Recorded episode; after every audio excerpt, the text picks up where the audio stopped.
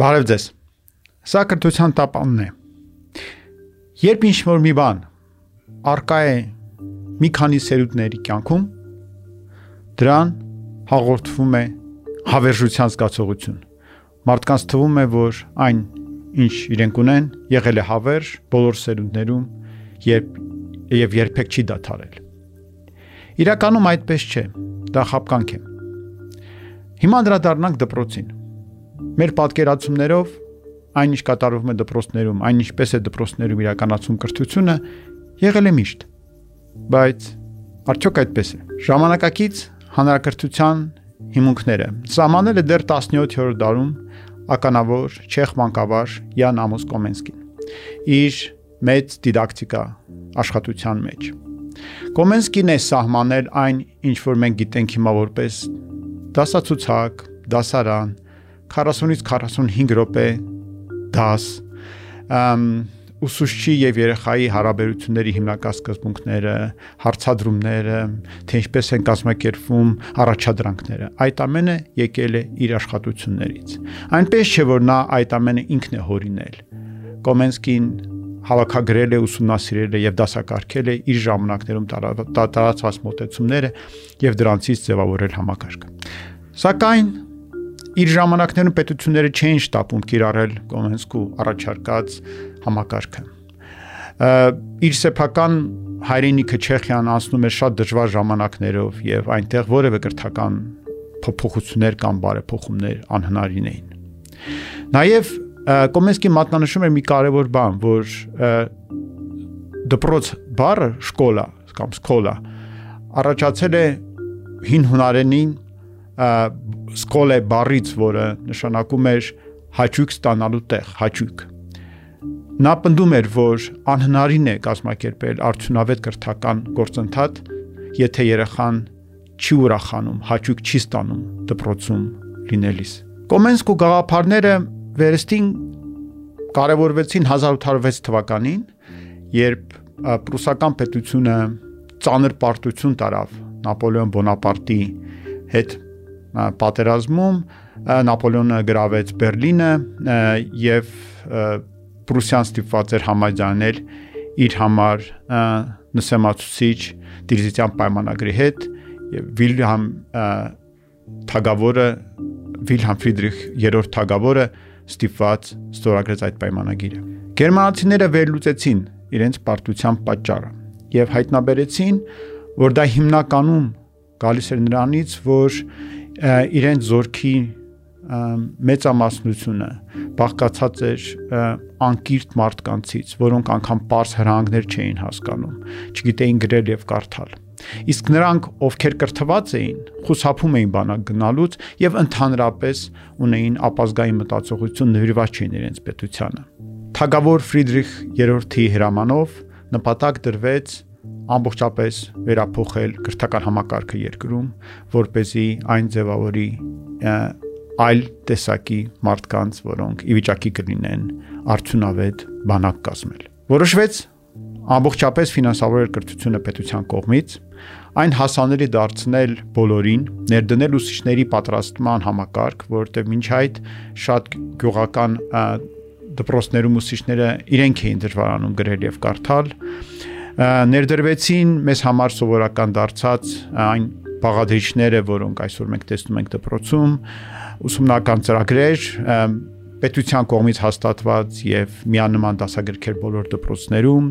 զանգեր, դասարանները դարձան դասակների նման կազմակերպված,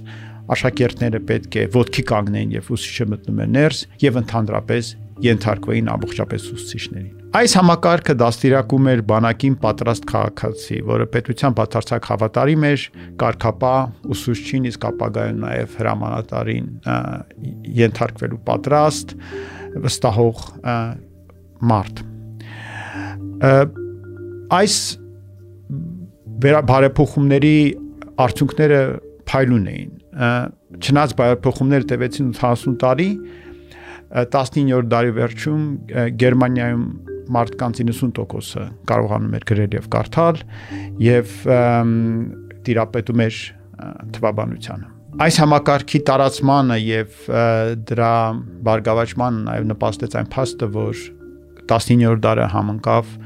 կապիտալիզմի, ինդուստրիալ կապիտալիզմի զարգացման հետ եւ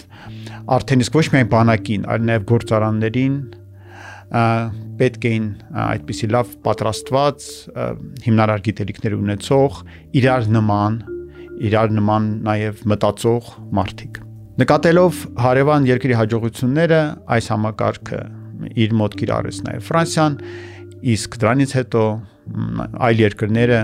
արդեն չէին վարանում եւ առանց կասկածի ներդնում էին իրենց կրթական համակարգերում այս նույն մոտեցումը Գերմանացիների ստեղծած համակարգը արտաքին նման էր Կոմենսկու առաջարկներին, սակայն բովանդակայնությամբ ամբողջապես տարբերվում էր։ Կոմենսկու պատկերացած հաճելի, ուրախ այդ երջանիկ միջավայրը չէր իրագործվում։ Դրա փոխարեն դասարաններում դատարկություն էր, միապաղաղ իրավիճակ, այսպեսի լուր աշխատանք, խստություն, թելադրողականություն։ Սակայն այն արդյունավետ էր իր ժամանակվա համար եւ ինչպես այսօր բոլորը սովորում են օրինակ Ֆինլանդիայից կամ Սինգապուրից այն ժամանակներում մարդիկ ուղարկում էին ներկայացուցիչներ Գերմանիա որպեսի այնտեղից բերեն կրթական մոտեցումներ։ Իդեպ Ռուսաստանը 19-րդ դարում ամբողջապես կրկնօրինակեց գերմանական համակարգը ընդհանուր միջև դպրոցների անվանումները գիմնազիա կամ ռեալ դպրոց բառերը եկել են հենց գերմաներենից։ Իսկ Հայաստանը իր հերթին այսօրվա Հայաստանը այդ համակարգը ստացավ Ռուսաստանից եւ զարմանալի չէ, որ այսօրվա մեր դպրոցները շատ նման են 19-րդ դարի գերմանական դպրոցներին։ Եկեք փորձենք հասկանալ, որոնք են այդ համակարգի ուժեղ եւ թույլ կողմերը այսօրվա իրականության մեջ։ Մի կողմից այն իր մեջ կրում է որոշ բաղադրիչներ, որոնք միշտ կարևոր կմնան երեխաներին անհրաժեշտ է կարգապահություն, մենք պետք է արդյունավետ կազմակերպենք ուսումնական ժամանակը, որ เป զի նաև ֆինանսավորման տեսակետից դպրոցները արդյունավետ լինեն։ Երեխաներին ուղղորդելու համար դասի ձևաչափը բավականին արդյունավետ է, այն նաև թույլ է տալիս կազմակերպել խմբային աշխատանք։ Դրանք դրական կողմերն են։ Սակայն այսօրվա իրականության մեջ այս համակարգը ունի նաև բացական կողմեր այսօրվա մարդը այլևս չի դառնալու մեծ ինդուստրիալ համակարգի մաս։ Մարդկանցից պահանջվում է ինքնուրույնություն, պատասխանատվություն, տարբեր լինել, տարբերվել մտածողությամբ, ստեղծարար լինել։ Եվ ինչպես ենք մենք ակնկալում ունենալ պատասխանատու մարդ, սեփական որոշումներ կայացնելու մտածողություն ձևավորելու կարողություններով, եթե մենք եւ նա դեռ երիտասարդ է երեխա է, 12 տարի անընդմեջ իր փոխարեն որոշում ենք թե որ ժամին որտեղ նա պետք է լինի, ինչ պետք է անի, որքան աշխատանք պետք է տանի, ինչ առաջադրանքներ պետք է կատարի եւ որքան աջակցություն պետք է ստանա ուսուցչի կողմից։ Այս խնդիրները գիտակցված են կրթական հանրության կողմից։ Սակայն բոլոր բարեփոխումների կամ բոլոր նորարարությունների բարագայում մեծ դժվարությունների են ընթարվում նախաձեռնողներ եւ ինչից է դա գալիս։ Առաջինը ծնողների կարծրատիպներից։ Ինչպես ես ասացի հաղորդման սկզբում, մի բան, որ եղել է մի քանի սերնդում, թվում է հավերժ եւ շատ դժվար է դրա դեմ գործել։ Բայց նաև ուսուցիչների կողմից պահանջվում են նոր հմտություններ, որոնց այդ այսօրվա ուսուցիչները չեն տիրապետում։ Նաև ֆինանսական որոշ այլ մոտեցումներ են պետք Փաստ չէ, որ նոր մոտեցումները ավելի թանկ են, քան եղածները, բայց այդ վերաֆինանսավորման կամ ֆինանսավորման այլ տարբերակների կիրառումը նոր խնդիրների է բերում։ Մի այլ խնդիր է նաև այն, որ